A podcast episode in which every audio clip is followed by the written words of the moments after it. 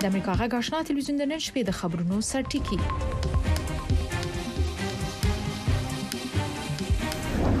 ملګری ملتونه د دوه د غونډې پای کې ونه تولیدل د افغانستان لپاره ځانګړی استازی وټاکي ملګرو ملتونو عمومي منشي انټونیو ګوتيرش د بحثونو په پای کې خبريالانو ته ویل چې دای به د استاذي د ټاکلو لپاره یو لړ نور بحثونه پیل کړي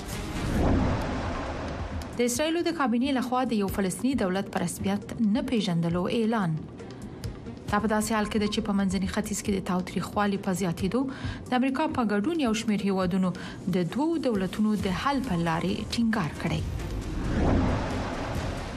او په بلجیم کې د کډوالو لپاره د سرپناه د نشټون ستونزې یو شمېر افغان ځوانان د ژمي په روان یخ موسم کې په سړک او عامه پارکونو کې شپې سبا کوي هیله ده د خبرونې تر پایه موږ سره مل اوسئ قدرمنو لیدونکو سلام نن دوشنبه ده د سلواغې د شمه نیټه او د 2023م کال د فبرورۍ 19مه زه خایسته سعادت لامیمه د دوه هیڅ خبر د امریکا غږ د اردو څنګه همکار نظر الاسلام د دوهمې ورځې حال راکړي او دا چې د لومړۍ ورځې پایلې څه وي د خبرونې قدرمن میلمه د افغانستان د ملي دفاع وزارت په خوانی سرپرست او مرستيال شاه محمود میاخیل صاحب د دې غونډې څرنګوالی او مهم پرمختګونه څیړي نظرالاسلام او میاخیل صاحب له تاسو نه مننه کوم هیله ده چې قدرمن لیدونکو هم سره مل ووسی ملګری ملتونه د دوه په غونډه کې و نه توانیدل چې د افغانستان لپاره ځانګړی استاذي وټاکي د ملګرو ملتونو مشر انټونیو ګوتریش د دوشنبه په ورځ د بحثونو په پا پای کې خبريالانو ته ویل چې دای به د استاذي د ټاکلو لپاره یو لړ نور بحثونه پیل کړي او امنیت شورا ته خپل رپورت وړاندې کړي ګوترش زیاته کړه چې طالبانو د یو لیک په ترڅ کې په غونډه کې د ګډون لپاره داسې شرایط ایښي وو چې ملګرو ملتونو ته د منلو وړ نه وو پریکړه وشوه چې زه به د ملګرو ملتونو د استازي د ټاکلو لپاره د مشورو یوه جدي لړۍ پیلوم. د دغه استازي دنده به نه یوازې د تعامل په برخه کې د همغږۍ رامنځته کول وي، بلکې د افغانستان د سرپرست حکومت سره اغېزناک کار هم وکړي. زه به سملاسي دغه ډول مشورې پیل کړم او بېرته به د امنیت شورا ته راپور وړاندې کړم. د ګوترش په باور په غونډه کې د طالبانو نه ګډون زیان رسونکی نه و، بلکې مجلسونه ډېر ګټور وو. ګوترش زیاته کړه چې غونډه د طالبانو په ګټه وه، که برخه یې پکې اخیستې وای او خپل لیدلوری یې شریک کړی وای،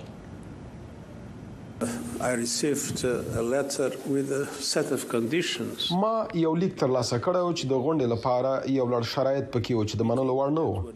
شرایط داسې وو چې موږ ته یې دا حق نه راکاوه چې د افغانستان د ټولنې له نورو قشرونو سره خبرې وکړو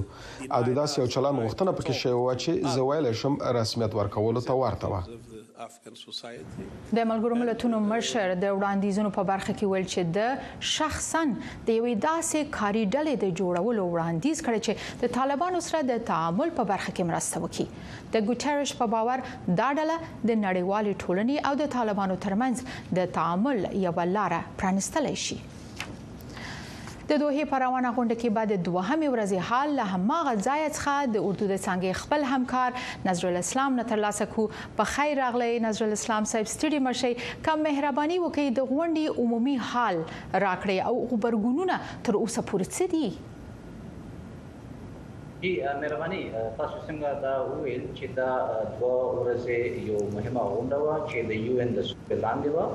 او چې په دې کې د افغانستان لپاره د سپیشل ریپرزینټیټیوز د نورو ملکونو د اړخه وو په دې کې تقریبا 25 سپیشل ریپرزینټیټیوز ګډون وکړو چې پکې زما خیال دی تلور د هیومن رائټس او د ویمن رائټس ډیفندرز پکې وو چې کله او د طالبان له اړخه چې کوم دا دوه سخت شرایط رالېږل شوي وو چې ګڼي یو ان دی سپیشل ریپرزنټیټیو نه وټاکي او د هغو نه علاوه د دې کانفرنس ته څوک بل څوک نه راوغواړي ولې چې هغوی په سوچ کې هغوی د افغانستان سول ریپرزنټیشن کوي د دې نه پس دا یو ډیره ګرانه وه چې په دې غونډه کې به یو این ته دومره حد پورې لاړ شي چې هغوی به سپیشل ریپرزینټیټیو وټاکي نو په دې ګورو طالبان ته په دې کې هو یو ایج ضرور حاصل شوی دی چې په دې غونډه کې ډیر زیات ملکونه داسې وو چې هغه کې ډیویژن لکه کوم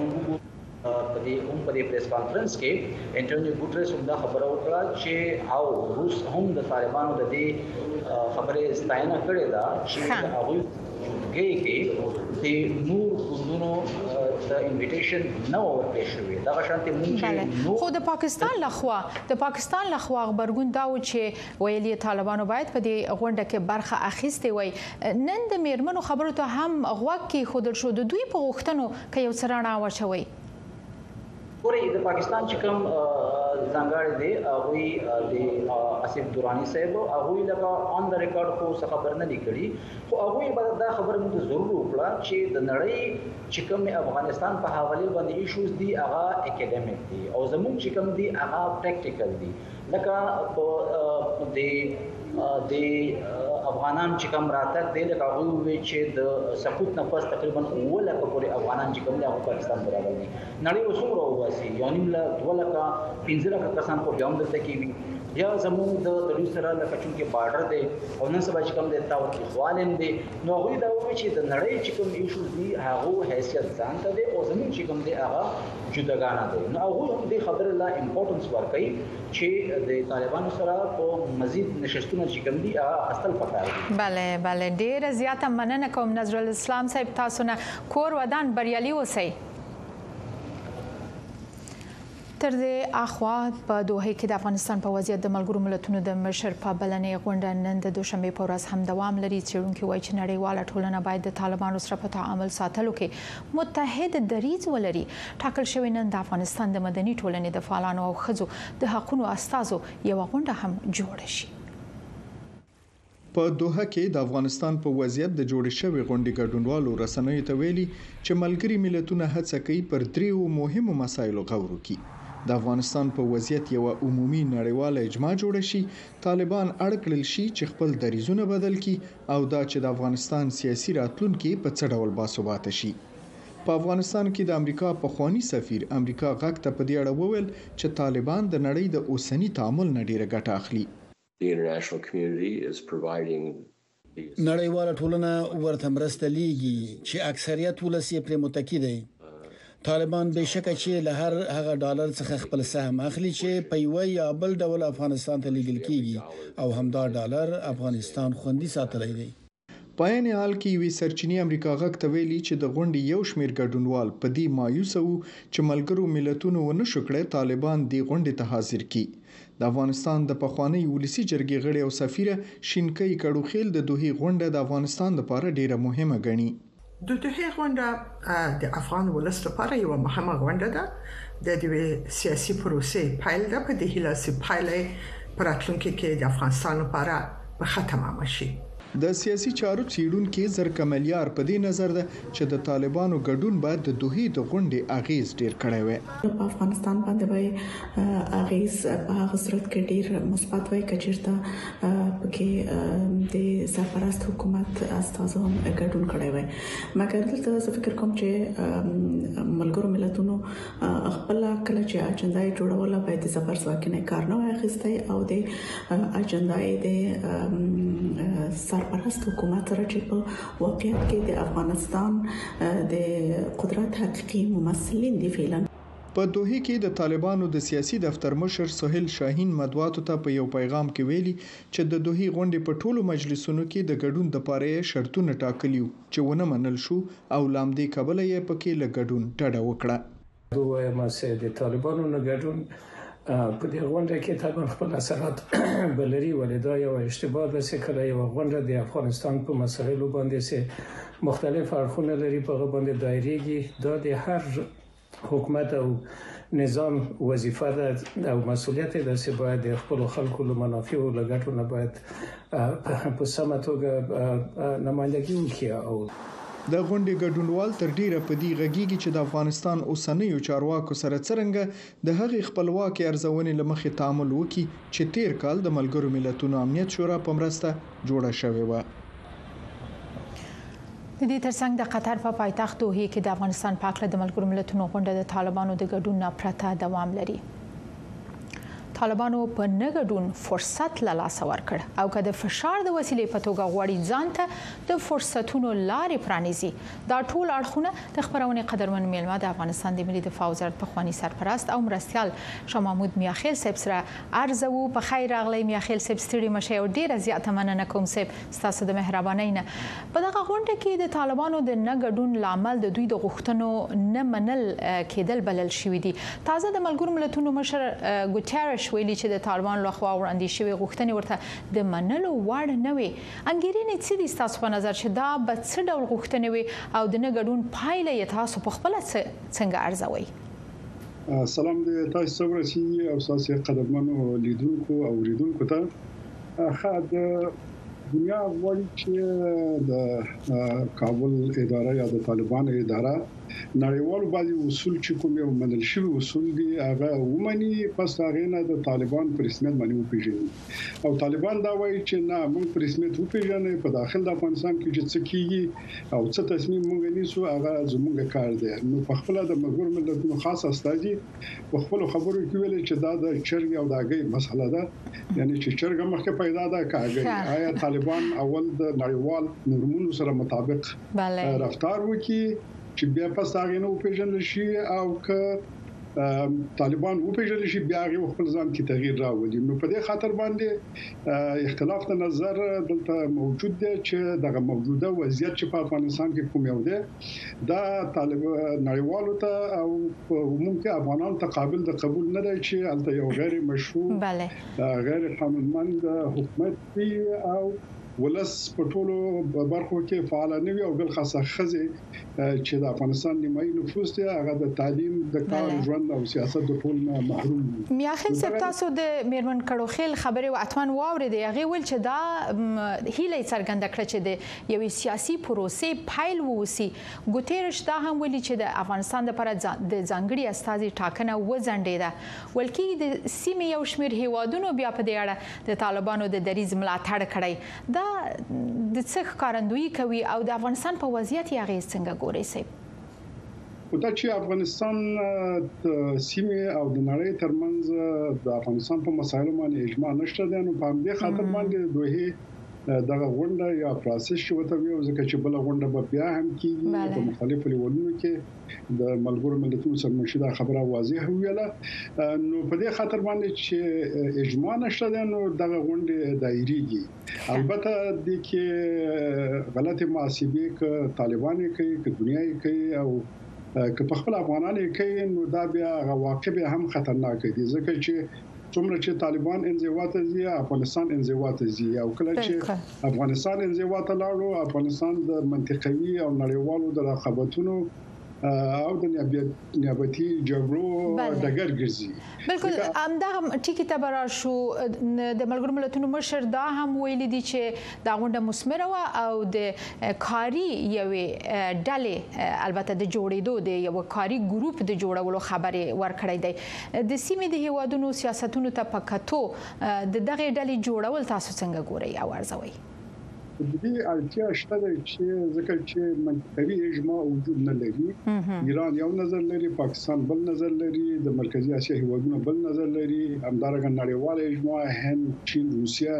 امریکا د یو نظریات سره مختلف دي نو په دې خاطر باندې ته یو میانجی ته یو یو کانټاکټ ګروپ ته یا یو خاص اساس ته ضرورت لري چې د ټولو خواو سره تماس پیدا کړي او یو میاخیل صاحب د پخوانی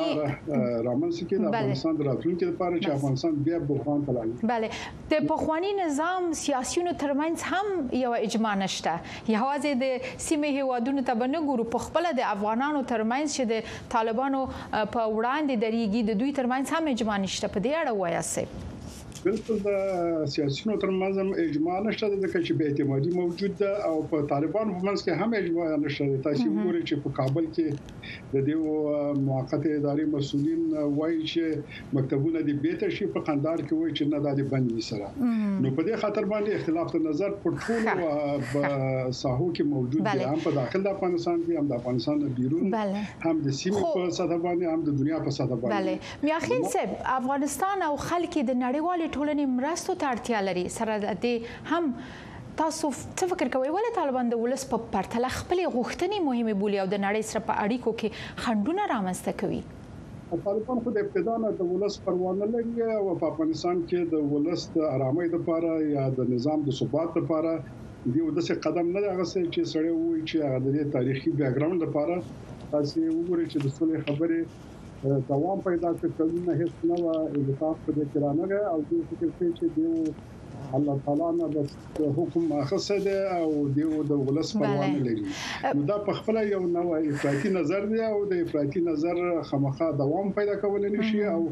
نقص د ولس لپاره او د افغانستان لپاره دی البته افغانستان کې د ثباتي رامنځته کیږي د منطقي او دنیا لپاره خطر موجود دی ځکه چې د ملګرو ملتونو خاص سرمنشي په خپل خبرو کې ویلي چې افغانستان کې دا ویره شته چې افغانستان بیا د افراطي ډلو تروریستي ډلو مرکز نشي مواد مخدر دلته تقوی نشي او افغانستان په کور دننه مسایل ته چې راشو میاخیل صاحب وخت ډیر کم د غوړم ستاسو له وخت نه ګټه پورته کم د طالبان له خوا ورځ تر بلې د قوانینو سختیدل هم دوام لري د دې غونډې سره هم مهاله په کندهار کې د البته والي د ژوندیو موجوداتو پر عکس اخیستو د بندیز یادونه کړې ده. دا د څه ښکارندويي کوي؟ په دې عصر کې ایا طالبان بدلون او تعامل منلی شي؟ طالبانو تر اوسه پورې خو انعطاف نه دی ښکاره کړی او که ښکاره نه کړي، همدغسې انزوا حالت ته ځي، ځکه چې په دغه د قطر په غونډه کې دیو برخه وانه غسله دا طالبان نور منځوات وړي څومره چې دیو افراطي نظریات او غوړي چې تطبیق کی یا په هغه باندې عقیده ولري هم د ولس په د منځ کې او هم د دنیا او د منطقې په وادونو کې بله بله ډیره زیاته مننه کوم کور ودان د افغانستان د ملي دفاع وزارت په خوانی سرپرست او مرستيال شاه محمود میاخیل صاحب بریالي اوسئ صیب ډیره مننه. بل پلو د طالبانو په وینا تیره شپه د نورستان ولایت د نورګرام په ولسوالۍ کې د غره د ښویدنې لامل شل کورونه تر واورې او خاورو خځلو لاندې شوي چې لامل یې لسګونه کسان مړه او ټاپیان شوي دي د طالبانو د حکومت د طبي پیښو سره د مبارزې د دولت وزارت ویاند ملا جانان سائق رسنیو ته په یو استولي ویډیويي پیغام کې ویلي چې د نورستان ولایت د نورګرام ولسوالۍ د تتین په کلي کې د غره د خویدو د پیښې لامل تر شلو پورې کورونه ویجاړ شوي مولا جانان سائق ویل چې په دې پیښه کې 25 تنه مړ شوي او اته تنه نور ټپیان دي د نورستان سیمه ییزو چارواکو ویل چې دا پیښه د فبرورۍ په 13مه د شپې په 12 بجو رامنځته شوې په بروکسلز کې بل پلو به مو د کډوالو د پاره د لنډمهال او تر ټولو ستر کمپ لیدو ته بوزو افغان کډوال په بلجیم کې د سرپنا د شتون له امله کړیږي د دوی حال درکو خو لمړی لمه لنډه دمه اخلو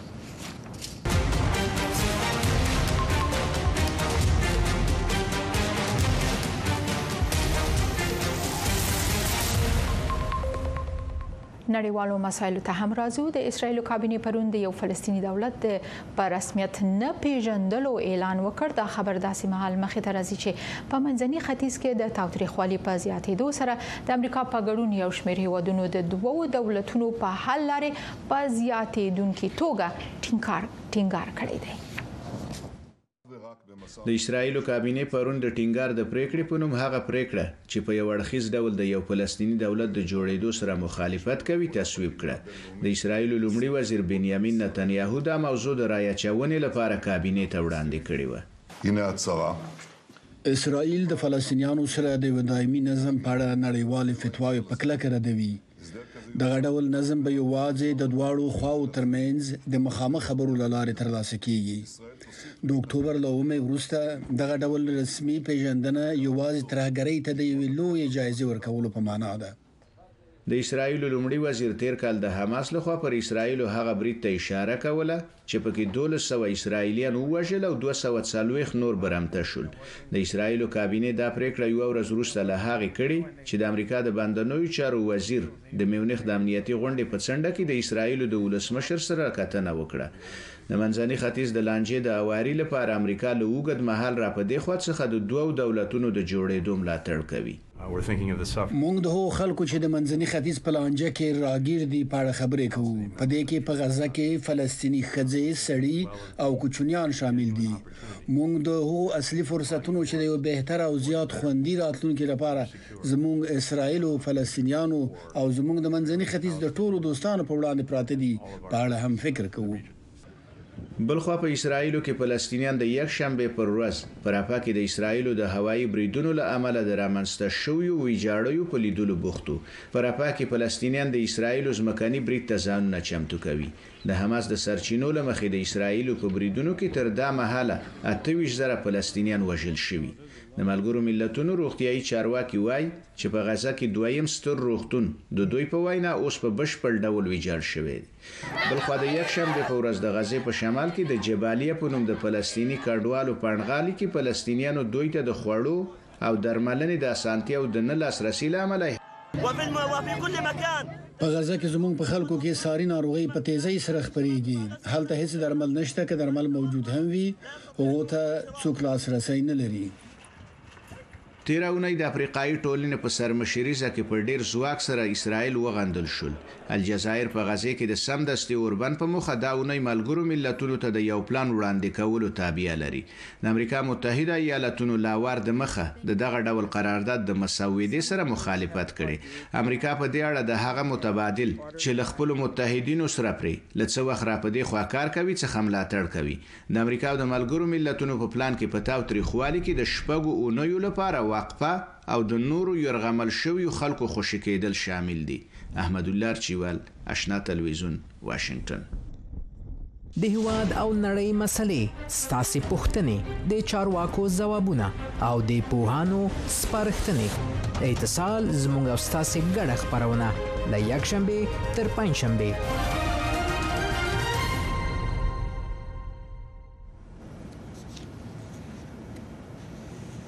مننه چې تر اوسه د امریکا غږ آشنا ټلویزیون سره مل یاست بلجیم ته به ورشو او په بلجیم هیواد کې کډوالو ته د سرپناه نه ورکولو لامل ګڼ شمیر افغان ځوانان د ژمي په روان یخ موسم کې هم مجبور دي چې تر شنه اسمان لاندې د سړک په سر او عامه پارکونو کې ووسیږي او یو شمیر له خپلوانو او ملګرو سره لمیاشتو راځي وخت تیروي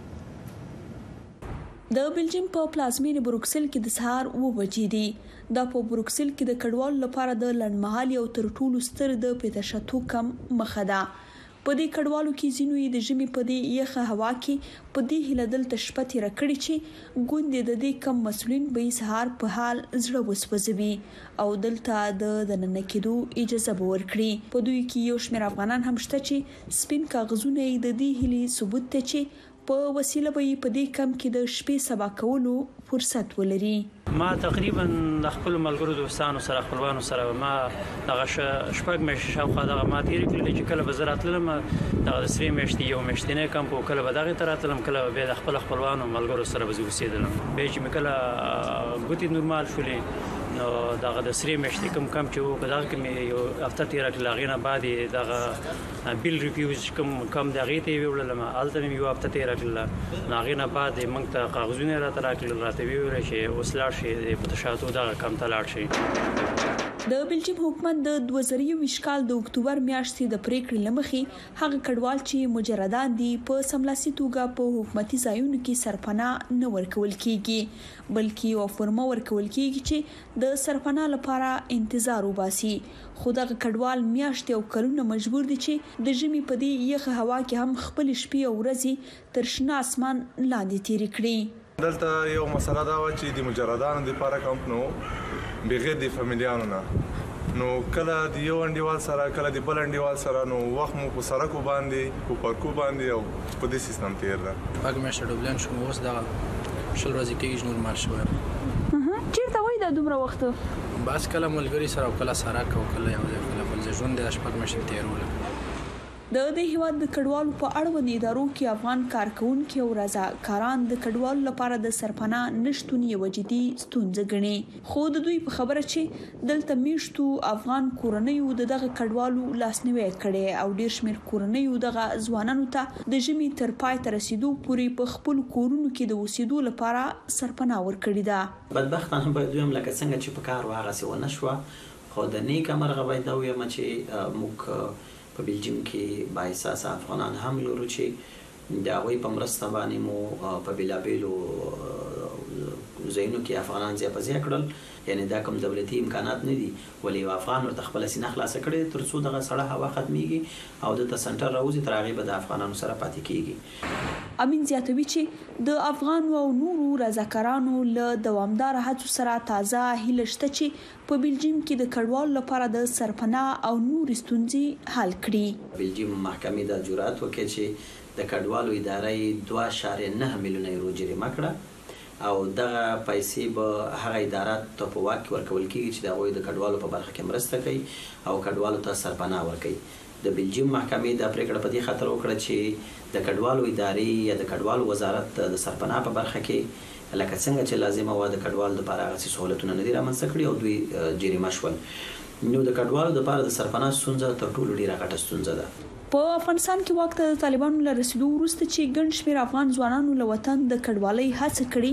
ډېر شمېر یې په بلجیم کې د پناه غوښتونکي دي، خو دلته نه یوازې د سرپناه له نه شتون سره مخ دي، بلکې د پناه غوښتنه یې هم په سختۍ منل کیږي. هیلۍ اسد، د امریکا غږ، بیلجیم. د دې نه وړاندې یوه افغانه انځورګره فاطمه وجاهت په افغانو نجونو او میرمنو د طالبانو لخوا بندیزونه او د خپل هیواد ناخوالې امریکایانو او نړیوالو ته د انځورګرۍ د نویو طرحو او پیغامونو له لارې بیانوي. راسئ ویې ګورو. د خپل هېواد د نجونو هغه درد چې دوی د تعليمه څخه محرومې شوې دي، د رنګونو په مرسته يې کاږي. یوویشت کلنه فاطمه چې څلور میاشتې مخکې د امریکا د متحده ایالاتونو د هارورد پوهنتون په یو تحصیلي بورس کې امریکې ته راغلې ده، غواړي چې د خپلو تابلوګانو او انځورونو له لارې د خپل هېواد پر نجونو او ښځو باندې د طالبانو له خوا د زده کړو او کار بندیزونه د کومو په پایله کې چې افغاني پېغلې او ښځې له خپلو انساني مدني حقوقو څخه بې برخه شوې دي د نړۍ ټولو انسانانو ته انځور کړي. توسط هنرم خواستم صدای ما بلند کنم در مقابل طالبا و پیش از طالبا ما هنرمند خیابانی بودم و همراه گروپ هنر سالار من حیث آرتست یا هنرمند کار میکردم و بعد از اینکه حکومت سقوط کرد و طالبان آمدند دیگه ما کارای دیجیتالی ما شروع کردم. فاطمې د نړیوالو پام هغه وخت خپل ځان او خپل هنري کارونو ته راواړوه کله چې هغې د افغانو نجونو بې څېرو رسمونه په خپل انسټاګرام خپاره کړل. هغې په خپلو ټولو رساميو کې نجونو ته مکمله څېره نه ورکوله. هغه وايي دا کار یې ځکه کاوه او کوي یې چې اوس په افغانستان کې نجونې او ښځې بې غږه دي او دوی ته د طالبانو په واکمنۍ کې انساني مدني حقوق او کوم ټولنیز ارزښتونه نه ورکول کېږي. زیاتر کسا از من پرس می پرسند که چرا کرکترای مرویی نداره و من می خواهیم فقط نشان بدم که متعلق به خودم تنها نیست و نمایندگی هم از دخترای افغان می کنه و چون دخترای افغان بی صدا هستند خواستم یک صدا به دخترای افغان باشم حداقل صدایشان را به تصویر بکشم.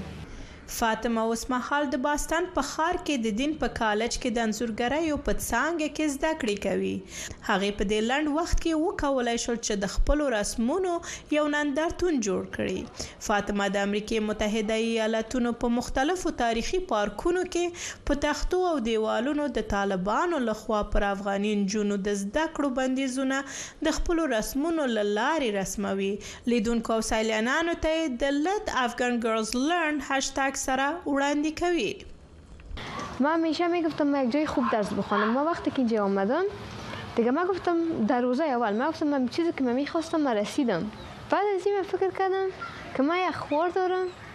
و دختر کاکا دارم و شاید مثل خوارم هزاران دختر دیگه از افغانستان